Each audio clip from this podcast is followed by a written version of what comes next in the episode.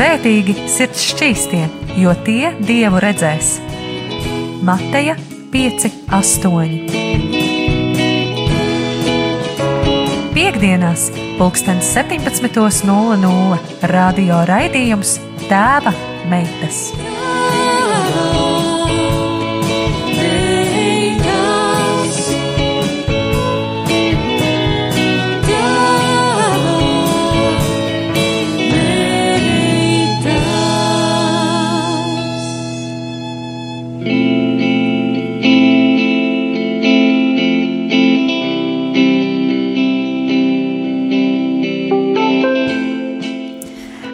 Labdien, mīļie rādījumi, arī Latvijas klausītāji.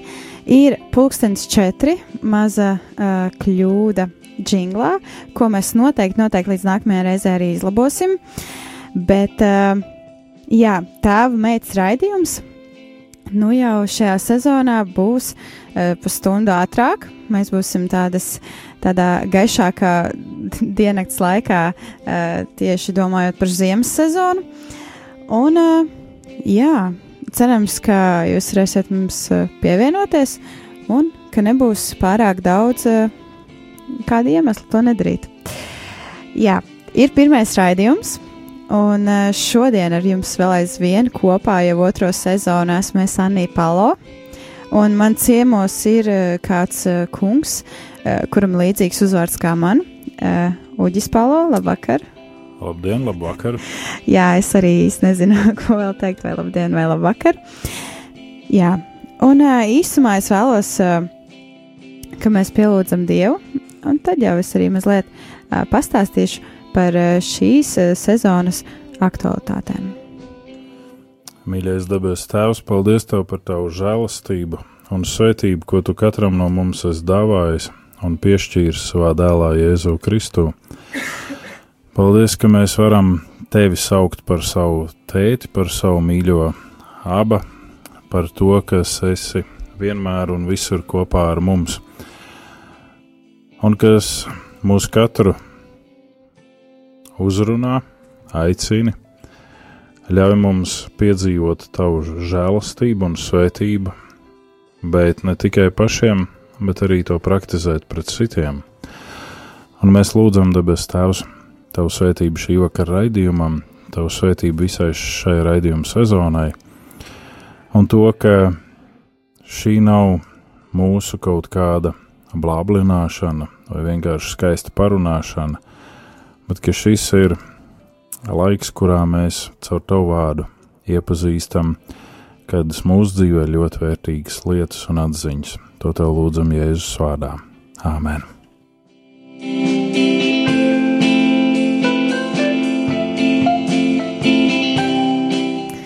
Paldies! Un šajā jaunajā sezonā es esmu aptaujājot kādus cilvēkus un sev tūs cilvēkus aptaujājot. Mēs esam nonākuši pie slēdziena, ka šajā sezonā mēs gribētu runāt par dāmām, sievietēm, par kurām ir rakstīts Bībelē, un par apsolījumiem, kurus Dievs viņām ir devis, gan caur vārdiem, gan arī caur viņu vīriem vai klātsošiem cilvēkiem.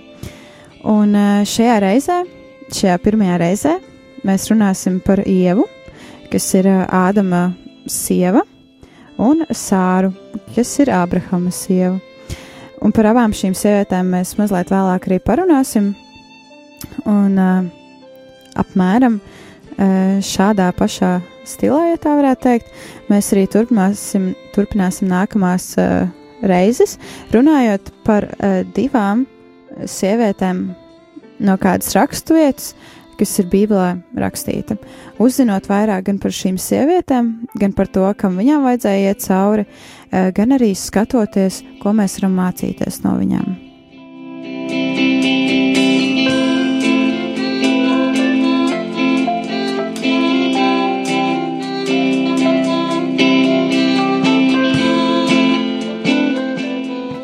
Nu jā, un uh, šī tēma arī nāca uh, kā tāda negluži atklāsme, bet šīs tēmas autors ir nometne meitenēm, kas notiksies 2020. gada vasarā, un šīs nometnes tēma arī ir apsolījums, un šo nometni veido iniciatīva tēva meitas, kas arī veido pārstrā šo radio raidījumu. Un ar citām komandas dalībniecēm jums būs vēl iespēja iepazīties uh, raidījumā, uh, kurā mēs runāsim par Mūzus pusmāsu un Mūzus mammu. Bet par to jau mazliet vēlāk. Un uh, tagad, pirms mēs sākam sarunu par Ievu un Sāru, es domāju, mēs varētu iet kādā dziesmas pauzē.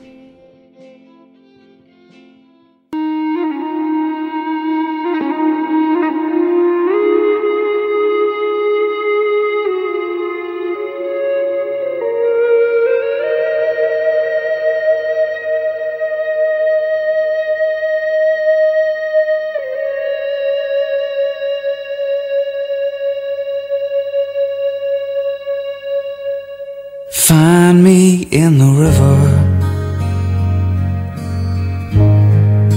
Find me on my knees. I've walked against the water. Now I'm waiting if you please. We've longed to see the roses. Never felt the thorns and bought our pretty crowns, but never paid the price. Find me in the river, find me there, find me on with my soul laid bare. Even though you're gone and I'm cracked and dry, find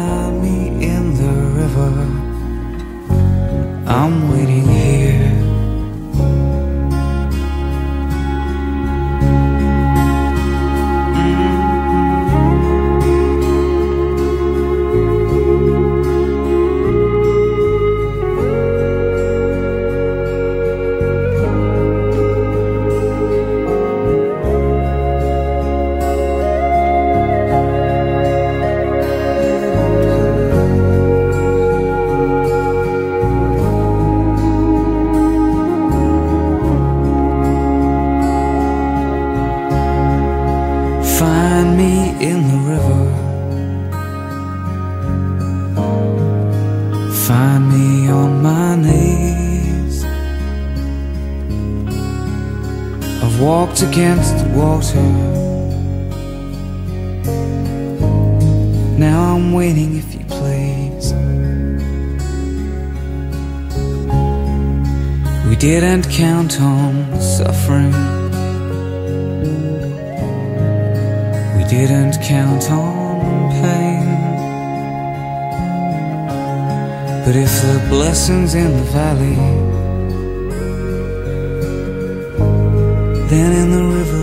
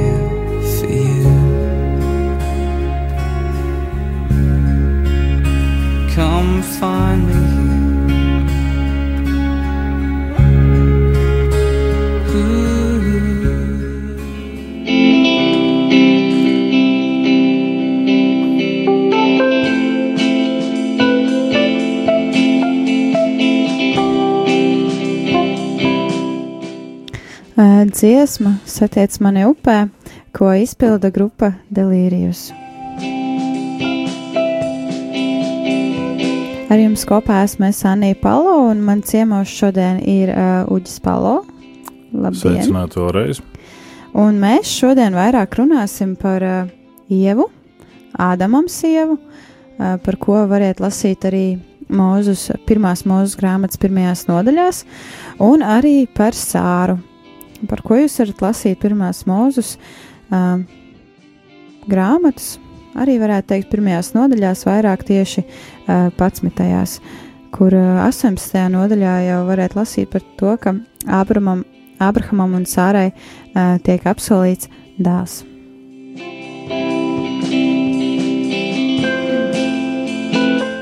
Bet jā, par to arī mēs vairāk šodien runāsim un uh, iesāksim ar to, ka, mīļie klausītāji, arī šodien jūs varat pievienoties un uzdot sev uh, svarīgus jautājumus.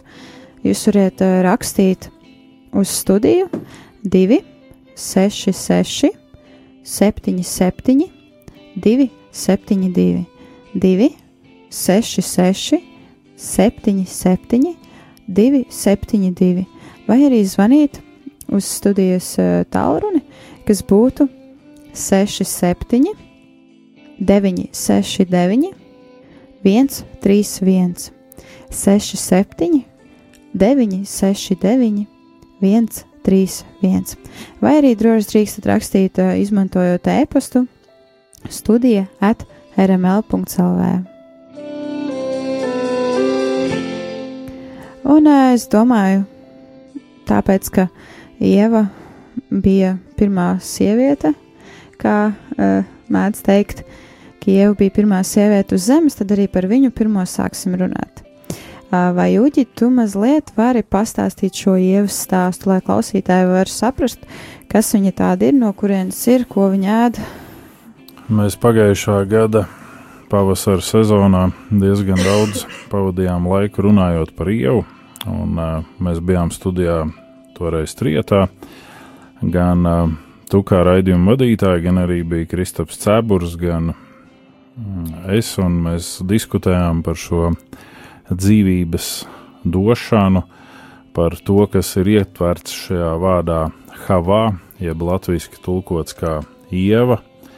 Ne? Un, un ir dažas tādas interesantas nianses.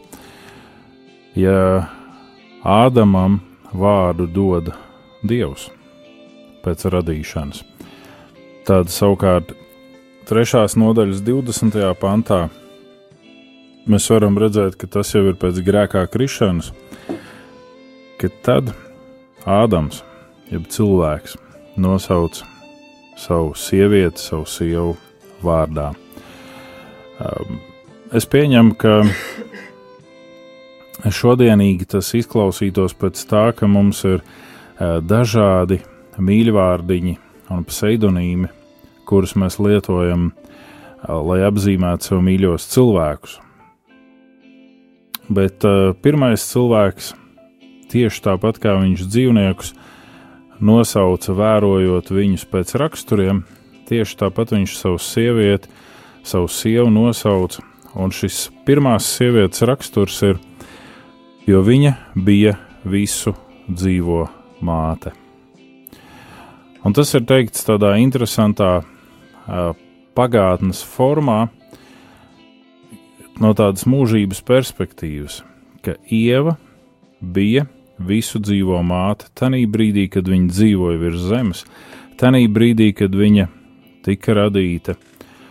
Un šis radīšanas moments arī ir tāds, ka latviešu viņš tiek iztulkots, ka tā sievietes būtība tiek paņemta no vīrieša ribas. Lai gan ebrejiski šis vārds varētu nozīmēt arī ideālā puse, kur Dievs atšķir no vīrieša sievietes ideālo pusi un izveido sievieti. Tas notiek tajā brīdī, kad vēl tikai viss top un veidojās un Ādams piešķir ievai šo vārdu, ka tu esi visu dzīvo māte. Neatkarīgi no tā, ka tie dzīvē, kas būs varbūt dzims uh, simtiem un tūkstošiem gadu vēlāk, bet tu esi tā, kas esi ar savu piemēru, ar savu būtību, iedibinājuši šo ceļu, šo dzīvības taku. Un Ievai dzimst sākotnēji divi dēli no Ādama, Kains un Ābels. Un uh, Kains uh, saņem savu vārdu uh, kā tādu plašāku izteiksmu, kā ar kunga palīgu. Es saņēmu, jeb ieguvu, jeb dabūju dēlu. Par Ābela vārdu izcelsmi mēs nevaram neko lasīt uzreiz tā rakstos, ko šis vārds nozīmētu. Bet mēs zinām to, ka Ievas pirmais rūkums, jeb uh, depresija, kā mēs mēdzam šodien teikt, jeb tāds panīkums, sākas tajā brīdī, kad viņas dēli kādas nesapratnes dēļ uh, Kains pārtrauc abeli dzīvi nogalinot abeli. Un šis smagais posms ievas dzīvē ieilgst apmēram uz 120 gadiem.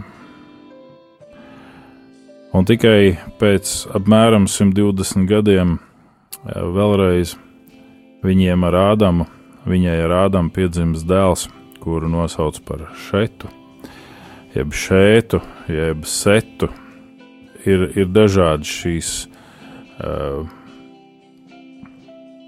izteiksmes, kā mēs latviskojam šo vārdu, bet uh, šeit savukārt ir tēvs tam vīrietim, uh, kurš staigāja ar Dievu un kura pēkšņi vairs nebija.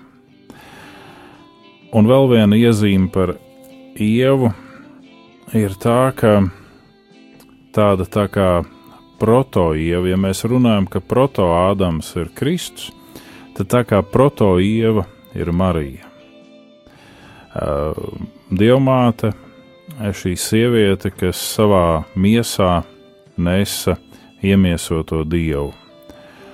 Un reizēm mums grūti to ir pieņemt, it sevišķi protestantiskajā tradīcijā, sakot, ka viņi ir dieva dzemdētāji, bet ja mēs pieņemam, ka Kristus bija pilnīgs dievs, tad mums ir jāpieņem, gribam vai negribam, ka viņa dzemdēja pilnīgu dievu, viņa dzemdēja pašu dievu. Nevis to dievu, kas valda pār visu, bet iemiesoto dievu, kas bija šeit virs zemes. Tā ir proto ieva, jeb Marija. Un, un tāds ir apmēram tas mazais ekskurs par ievu, ko mēs varam redzēt. Un nav pārāk daudz to pozitīvu apsolījumu, kurus mēs varam redzēt um, ievas dzīves gājumā no dieva. Uh, ja teiksim, citu sieviešu uh, dzīvēs mēs varam redzēt dieva apsolījumus un dieva piepildījumus šiem apsolījumiem, tad dievas dzīvē ir sāpju pilni apsolījumi.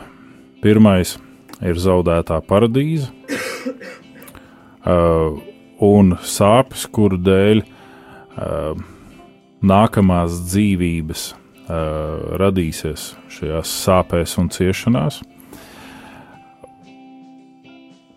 Un viss šis, ko mēs varam lasīt trešajā nodaļā, kas skar sievietes gājumu, kas skar šo sievietes iedibināto mm, ceļu, ir tāds diezgan skaudrs, diezgan smags. Un viņai bija tā cerība un tā pārliecība, ka dzemdējot šos dēlus, viņi varētu gūt prieku, viņi varētu gūt kādu veldzi. Un pēc visas spriežot, tā tas būtu varējis notikt, ja nebūtu radusies šī mm, Sātana ierosinātā greizsirdība kainā. Uh, ja mēs redzam to, ka Sātans ir Dieva policists un ka viņam nav tiesību pašam par sevi neko radīt un veidot, kā tas arī ir, tad eh, ne par velti Dievs runā ar kainu un saka, kāpēc tavs vaigs ir drūms. Un kains neko dievam tā kā neatbild, un, un Dievs saka, vai nav tā, ka grēks guļ tev durvju priekšā un tu valdi pār viņu. Ne? Mhm. Ir dažādi šīs grēka formas, un nedot dzīvību arī ir kārdinājums. Dzīvību mēs varam dot fiziski, dzīvību mēs varam dot arī garīgi, un dzīvību mēs varam dot atjaunojot, tā kā pravietī iesajā ir teikts, vecās posta vietas. Un cilvēks mēdz būt veca posta vieta, kaut arī viņš ir gados jauns, viņš var būt veca posta vieta, tāpēc ka viņš ir darījis nepareizas izvēles. Un tad viņš kļūst par šo veco postu vietu. Bet mēs esam Dieva aicināti kā dzīvības devēji, jo visu dzīvo māte ir ieva, atjaunot šīs postu vietas, praktizējot žēlastību. Nu, tāds mazais vispārējais ekskurs par ievu. Paldies! Un ā, es ceru, ka arī šajā brīdī klausītāji jūs apmēram sapratāt, par kuru no Bībeles sievietēm ā, mēs šo, šo, šajā dienā runāsim. Un es atgādinu to, ka jūs varat droši sazināties ar mums, un, ja jums ir kaut kas piebilstams vai arī kādi jautājumi, to jūs droši drīkstat rakstīt vai arī zvanot tos izteikt. Tālruņa numurs, pa kuru jūs varat zvanīt, ir 67 969 131 67 969 131. Tālruņa numurs, pa kuru jūs varat rakstīt SMS, ir 2 6 6 7 7 2 7 2 2 6 6 7 7 2 7 2.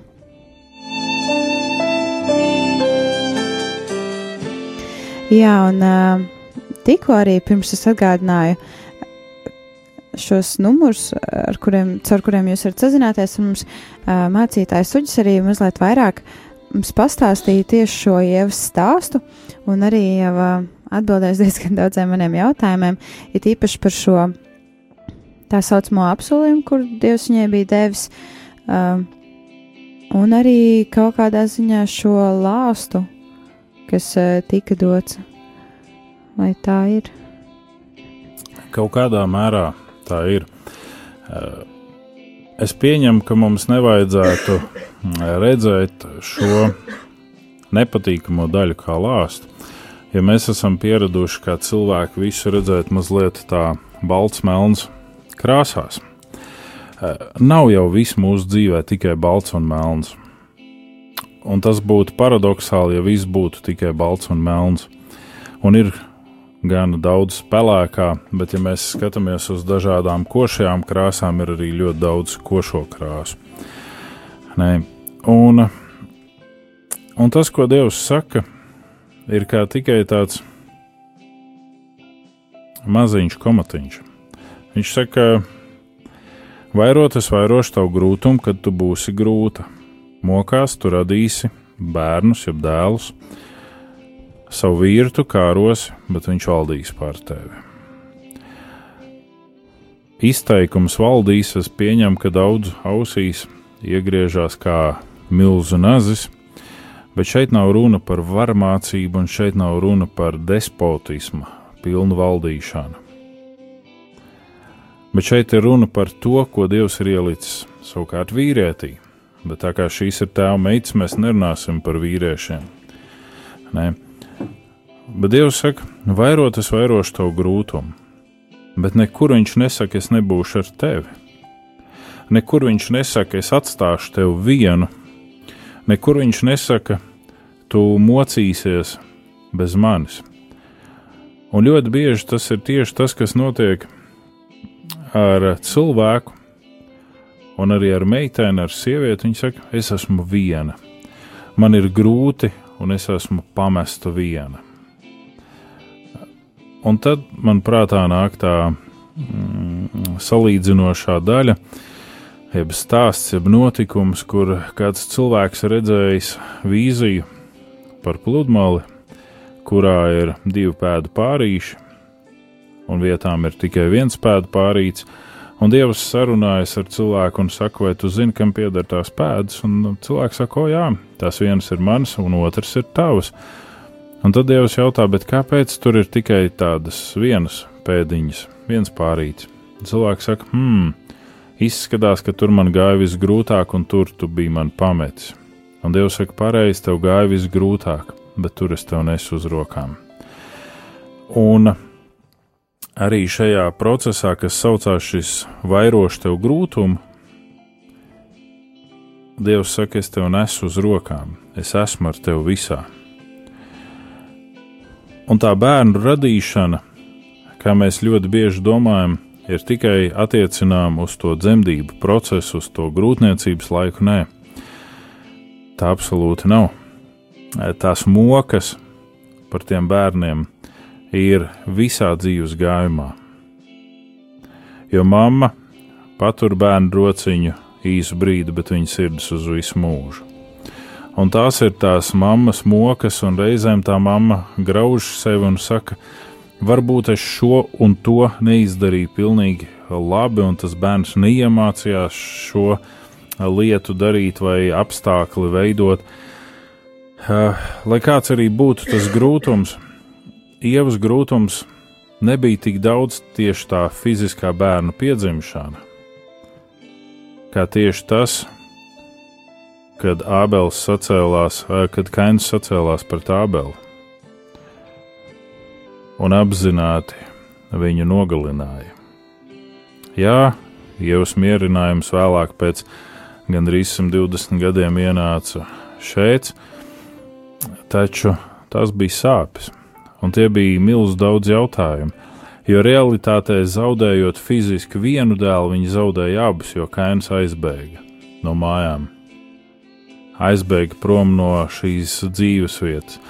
Mums daudz kas ir palicis it kā aizkadrā, un mums nav apraksti par to, kā Ādams mēģināja virzīt savu sievu uz priekšu, bet tā kā Ādams ir tas, kurš deva vārdu savai sievai, un nosauc viņu par visu dzīvo māti, tad šī valdīšana, par kuru šeit ir runa, šajā lāstā, kā mēs to saucam, bet vai šajā izteikumā un apsolījumā, izpaudās arī tajā, kad Ādams mēģināja savu sievu virzīt uz priekšu, uz šo nākamo procesu, uz šēta dzimšanu, un tas prasīja 120 gadus.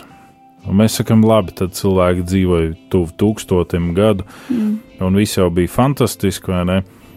Bet tas prasīja ļoti ilgu laiku. Tas nav tā, kā mēs esam pieraduši. Pieskrien lūkšanā pie Dieva, viens klikšķis, un ātri Dievs dod man visu, ko man tagad vajag, un ja man nesanāk, tad es krītu depresijā, un tad es krītu bailēs, un tad es panīkstu, un, un, un man vajag tagad. Nē, ticībā mēs mācāmies kaut ko citu. Un, un vēl viena tāda iezīme šajā ievas dzīvības došanas spektrā, ko mēs redzam par šiem 120 gadiem, ir tā sevis sakārtošana. Mēs ļoti bieži pieņemam pārsteidzīgus lēmumus, kā jau es teicu. Bet mēs varam mācīties no šī pirmā cilvēku pāra, ka ieva pavadīja sevis restartēšanas un restaurācijas procesā 120 gadus. Lai pēc vienām sāpēm, nesasteidzot visus procesus, nenonāktu pie tā, ka šīs sāpes vairojās uz nākamajām paudzēm. Mm. Es varbūt izsakos tēlēni, bet ļoti bieži tā tas ir. Ir vientuļā māmiņa, viņa ir ļoti vientuļa, viņa ir ļoti depresīva, un viņai uzrādās kāds draugs, un nu viņa vairs nav vientuļā māmiņa. Bet izrādās pēc gada vai pēc īsāka perioda viņa ir vientuļā māmiņa nu jau ar diviem bērniem. Un viņai atkal uzrādās kāds draugs. Un es to nesaku sodot kādu, bet es saku tieši par šo restartu.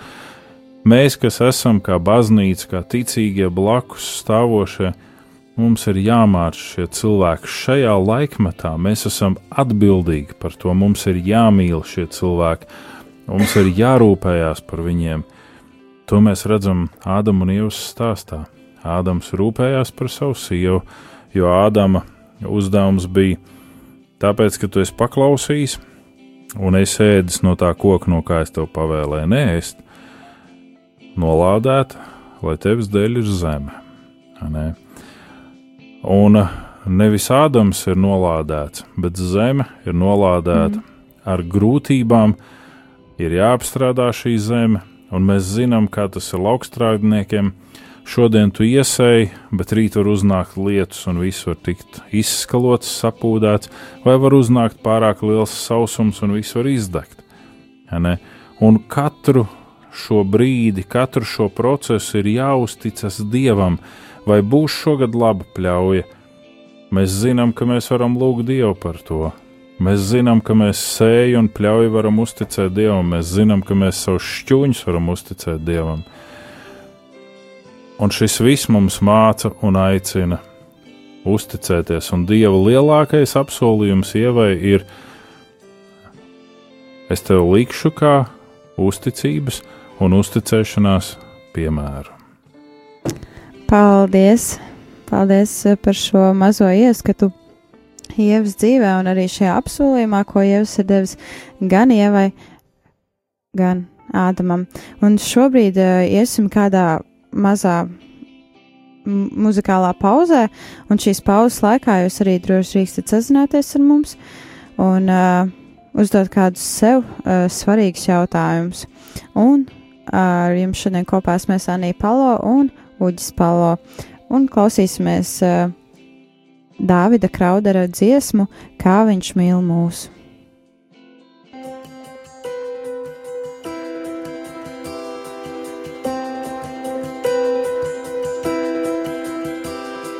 He is jealous for me.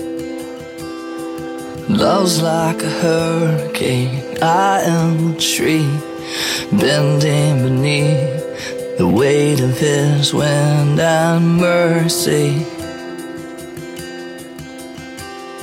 When all of a sudden I am unaware of these afflictions eclipsed by glory. And I realize just how beautiful you are and how great your affections are for me.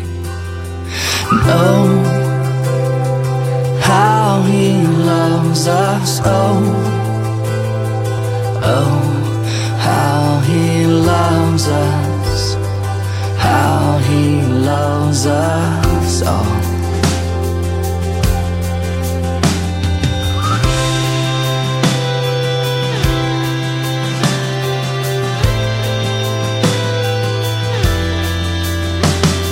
And he is jealous for me. Love's like a hurricane. I am a tree bending beneath the weight of his wind and mercy. When all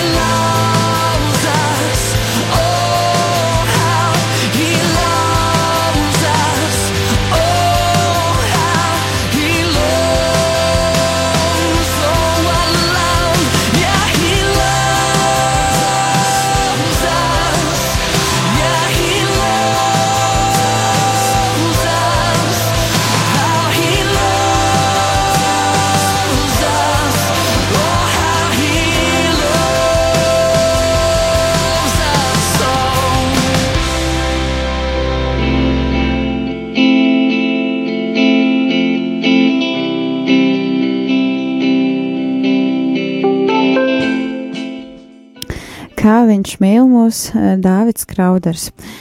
Un uh, iepriekšējā raidījuma daļā es atgādināšu, ka šis raidījums tēva meitas un ar jums kopā esmu es Anija Palo un man ciemos šodien ir Uģis Palo. Un iepriekšējā raidījuma daļā mums bija iespēja mazliet vairāk uh, dzirdēt, uzzināt kaut ko jaunu tieši par Ievu, Ādamu sievu. Uh, man liekas, ka viņai nav uzvārds, tāpēc es nevaru teikt Ieva tāda un tāda. Uh, bet jā, mums bija iespēja uzzināt kaut ko vairāk tieši par šo apsolījumu, kas viņai tika dots, gan caur šo vārdu, ko Ādams viņai bija devis, uh, kas ir uh, šī dzemdētāja.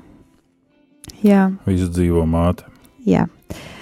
Un, uh, jā, un tad šajā daļā vairāk parunāsim tieši par Sāru, uh, kas ir Ābrahama sieva, un viņai arī tika dots kāds apsolījums. Un, manuprāt, viņām stāsti ir ļoti atšķirīgi, bet šis apsolījums kaut kādā ziņā ir līdzīgs, jo stāst par Abrahamu jūs varat lasīt pirmajā mūzes grāmatā, kur viņam tiek teikts, ej ārā no savas tautas, no tās vietas, kur tu dzīvo, uz citu vietu, radi, veido, dari, un kādā ziņā arī Sāra kļuva par tādu tā kā uh, radītāju, jo viņiem uh, ar Abrahamu bija jāveido kaut kas jauns, jārada. Un, uh, manuprāt, šajā ziņā Ievai un Sārai šis stāsts ir uh, kaut kādā ziņā līdzīgs, jo abām bija jārada. Uh, jā, no 11. nodaļas, pirmajā mūzes grāmatā mēs varam lasīt stāstus jau par Abrahāmu un vēlāk arī par Sāru. Un ir šis interesantais moments, kad Abrahāms tiek izsūtīts no sava ierastā uh, vides daļas, uh, ciema, pilsētas, no savas ierastās vietas. Dievs aicina. Abraham iziet. Abrahams ir precēts vīrs, un, ja uh, ievas gadījumā tā ir dieva svētība, ka Dievs svētī un saka, tev būs augļoties un vairoties un piepildīt šo zemi, tad sāras gadījumā jau ir pagājis kāds laiks kopš ievas un ādam, un sārai tas tiek uzskatīts par lāstu, ka viņai nav bērnu. Viņa ir skaista sieviete, viņa ir visādi, mēs varam teikt, pati pilnība. Un pat savā vecumā, vēlāk, kad viņa kļūs veca, viņa ir skaista. Sāras mūžs ir 127 gadi. Un, un tad, kad viņa ir ap 30 gadiem, viņa zied un staro un ir skaista. Un uh, Abrahams baidās savas sievas dēļ. Un baidās, ka viņš tiks nogalināts. Un vēlāk, kad Sārai ir ap 75 gadi, Abrahams baidās otrais, kad viņš atkal tiks nogalināts. Jo Sāra ir ļoti skaista. Bet viņas šī sūrme, šī sāpe, kas ir viņā, ir tā, ka viņai nav pēcnācēja. Viņai nav dēla, mantinieka, viņai nav meitas, kas viņas tikumu varētu pārņemt. Viņai nav neviena. Un viņas dzīves gājumā vairāk reizes iezīmējās tādas epizodes, kurās viņa mēģina ar pašas prātu nodrošināt šo dzīvības turpinājumu, šo uh, radības tālākēju. Un vienā no gadījumiem mm, viņa mēģina ieskapēt Abrahamam savu kalponi un saka, ja man kalpone no tevis dzemdēs dēlu vai bērnu, un es būšu kā vecmāte klāt šīm dzim, dzimšanas procesam, tad tas būs tikpat kā mans bērns. Un Sāra cieši līdzīgi tāpat kā Ieva ēdenē saņem šo te sāpīgo mācību, tieši tāpat Sāra saņem šo sāpīgo mācību, jo Hagāra, kas ir viņas kalpona un kas no Abrahama dzemdē bērnu Izmails, dēlu, apsmēja savu kundzi sāk apsmiet un pazemot. Kas tu pa kundzi, ja tev nav bērnu? Kas tu par sievu manam kungam, ja tu viņam nevar radīt pēcnācējus, kam paliks visi šie viņa īpašumi? Un Sāra jūtas ļoti, ļoti, ļoti, ļoti pazemota. Un es domāju, ka mums, vīriešiem, arī šodien ir grūti saprast, kā tas ir, ka sieviete ir vēlējusies visu mūžu kļūt māte un nav varējusi kļūt. Un es domāju, ka šajā jautājumā tie vīri, kuri skarbi nostājās pret savām sievām, savā egoismā un uzskata, ka viņi nevēlas, ka sievas dzemdē bērnus, un līdz ar to sievas paliek tādā kā atstumtās, nolādētās statusā, mm. viņi uzņemās smagu sodu un atbildību. Bet tad mēs nonākam pie tā perioda, kad Abrahams ir aizgājis no savas zemes.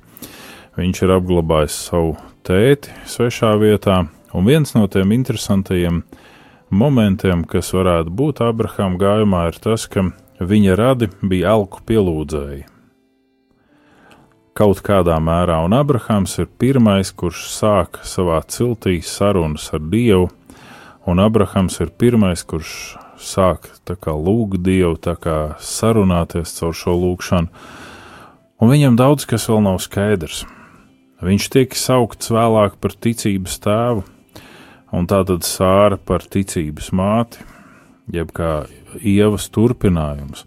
Un ja Jēzus tiek salīdzināts ar Īzaku, tad sāra var tikt salīdzināta gan ar Ievu, gan ar Mariju. Viņa ir kā tāds starposms starp šīm abām sievietēm. Viņa ir tā kā tāda pirmā proto-ieva. Nē. Un mēs redzam to, ka tajā brīdī, kad tas jau ir 17. nodaļā, ka tajā brīdī, kad Dievs dos apsolījumu Abrahamam un Sārai, Dievs izmaina sāras vārdu. Viņš no tās nolemtās saraju vārda izmaina uz sāra, jeb sārāha. Kā dzirksts, kā dzīvības devēja, kā e, turpinātāja, kā svētība. Un pirmais, kas smejas par visu šo ticības neiespējamību, ir Abrahāms. Un mēs redzam Andreja Rubļova uh, ikonā šo trīsvienību. Tā sauc šī ikona. Tā ir ļoti slavena un pazīstama ikona, trīsvienība, kur pie Abrahāma atnāk šie trīs sūtņi un pavēst Abrahamam, ka viņam būs dēls. Un Abrahams smejas par to. Un te ir teikts, ka viņš līdz zemē krītot, smējās.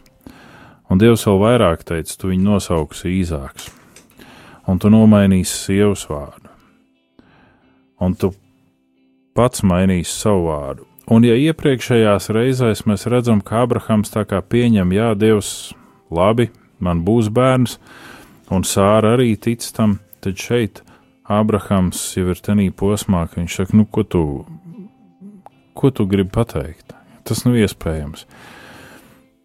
Un pienāk tas brīdis, kad simts gadu vecumā Ābrahamam dzimst dēls, Sārai uz to brīdi ir 90 gadi, un pavisam nesen domājot par šo, es aizdomājos, ka ļoti bieži mēs runājam, jā, mēs sakām, sažuvis ķermenis, vai vecs ķermenis, vai sens ķermenis.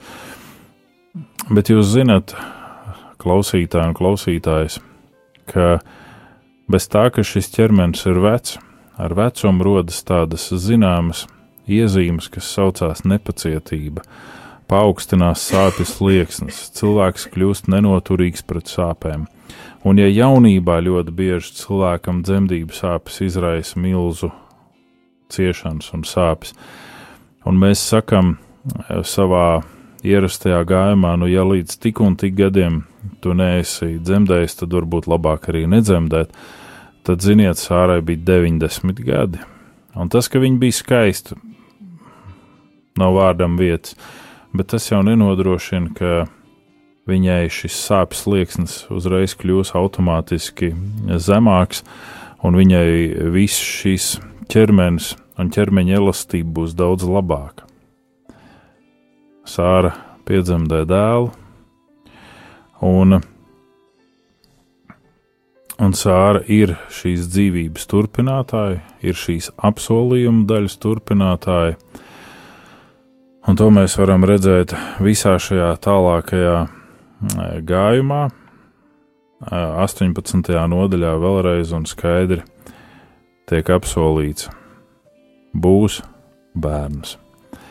Un, lai varētu šis apsolījums īstenoties un piepildīties, Ābrahāms tāpēc tiek aizvests no savas viet, vides, ierastās no šīs algadievu kopienas, kur viņš var būt tikai saistībā ar Dievu. Paldies, Uģi! Un šis bija vairāk tieši stāsts par sāru un arī kaut kāds uh, salīdzinājums par sāru. Un, manuprāt, ir uh, vēl kāda nianses, kas viņām abām ir līdzīgs sievai un sārai, ir tas, ka viņām bija ilgi jāgaida uh, šis periods, ja tā varētu teikt, šis apsolījuma periods līdz tam. Uh, bērnam. Ievai tas bija šis šeit, kur viņai pirms tam bija jāiziet cauri šīm uh, sūrijām grūtībām un kādām sevis apzināšanas problēmām, un arī sevis pieņemšanas, droši vien arī savu vīru pieņemšanas kādām niansēm un lietām.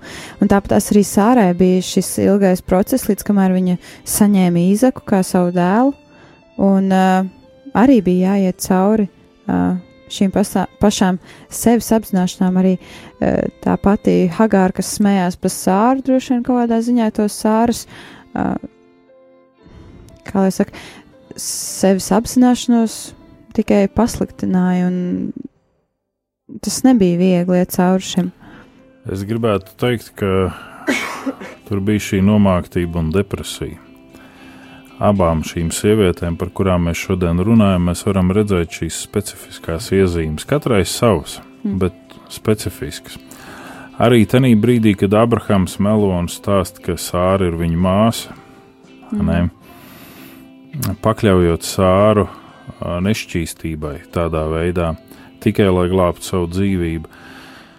Dievs teica uh, Ievai par to apsolījumu, ka vīrs valdīs pār tevi nevis valdīs, bet vīrs būs tas, kurš drīkst pārstatīt robežas, kurš drīkst celties no šīs vietas un doties uz citu apsolījumu vietu, kurš drīkst uh, vainagoties ar šo ticību, stipro ticību, Ādama gadījumā un arī Abrahama gadījumā.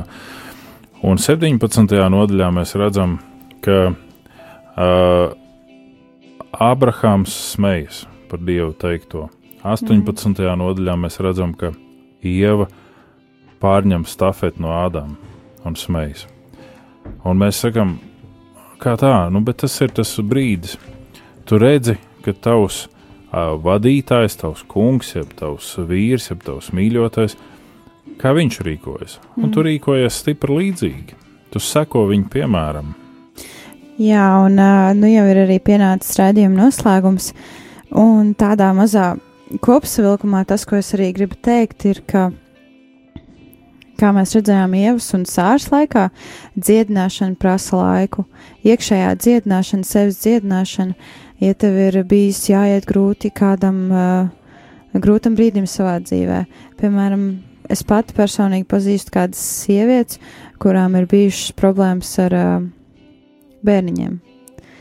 Un šī iekšējā dziedināšana tā prasa laiku. Tas nebūs tā, ka tu vienu rītu pamodīsies un tev viss būs sadzīs un, un tu būsi laimīgākais cilvēks uz pasaules.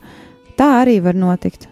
Var, bet mēs esam ļoti steidzīgi. Jā, Un mēs gribam steidzināt Dievu. Mēs sakām, kā Jēzus, tu tur darīji tādus brīnumus savā laikā, un Dievs dara brīnumus, un Dievs nav mainījies. Mēs gribam šodien arī ātri, ātri, ātri. Nē, atļaujies procesam. Jā un arī tas, ko mēs katrs savā dzīvē varam uh, paņemt no sāras, ir tas, ka apsolījums būs, tikai tev ir jāiemācās pagaidīt. Jo arī Sārai bija un Abrahamam šis brīdis, kad viņa teica, nu, bet kāds sakars, mēs jau esam veci, kāds apsolījums, kāds bērns. Un tad arī šis uh, Īzaks kādu laiku nebija, un tad viņiem bija, bet kur tad ir tas apsolījums, kāpēc nav tagad? Un tā tad uh, apsolījums prasa laiku, nevienmēr tas būs uzreiz dots, un uh, varam ņemt arī piemēru no tā, kā Sārai tika izmainīts vārds nolemtība uz uh, šo dzirksti svētību dzīvības devēju. Un vēl viens novēlējums jums katram ikvienam klausītāji - neapsmej Dieva solījumu. Ja Dievs sola, neizmanto to un neapsmej. Un tā ar jums šodien kopā bija es Anija Palo un man ciemos bija, Es uģis palo. un mēs runājām par divām brīnišķīgām bībeles sievietēm, uh, Ievu un Sāru, kurām abām tika dots šis apsolījums, ka viņas būs dzīvības devējs, būs tās, kas radīs uh, tautu, radīs cil ci- cilvēkus. Un ir piekdiena, tiekamies jau nākamajā piekdienā, pulkstens četros, pulkstens 16.00, stundu ātrāk kā ierasts, un runāsim par uh, divām citām sievietēm, Rebeku un uh, Rāhelu. Rāhela, Raēla, jā. Jā. Tikai nebūšu es sarunā. Uh, un ciemos būs kāda sieviete, Zigrīda Palo, kas ir arī diezgan daudz jau pētījusi par šīm sievietēm. Un tad mums kopā būs tāda saruna, un droši neaizmirstiet par jautājumiem un arī par zvaniem. Uz tikšanos jau nākamajā nedēļā.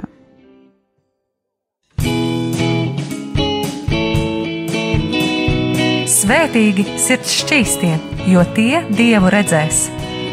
Mateja 5, 8. Piektdienās, pulkstens 17.00 radio raidījums Tēva meitas.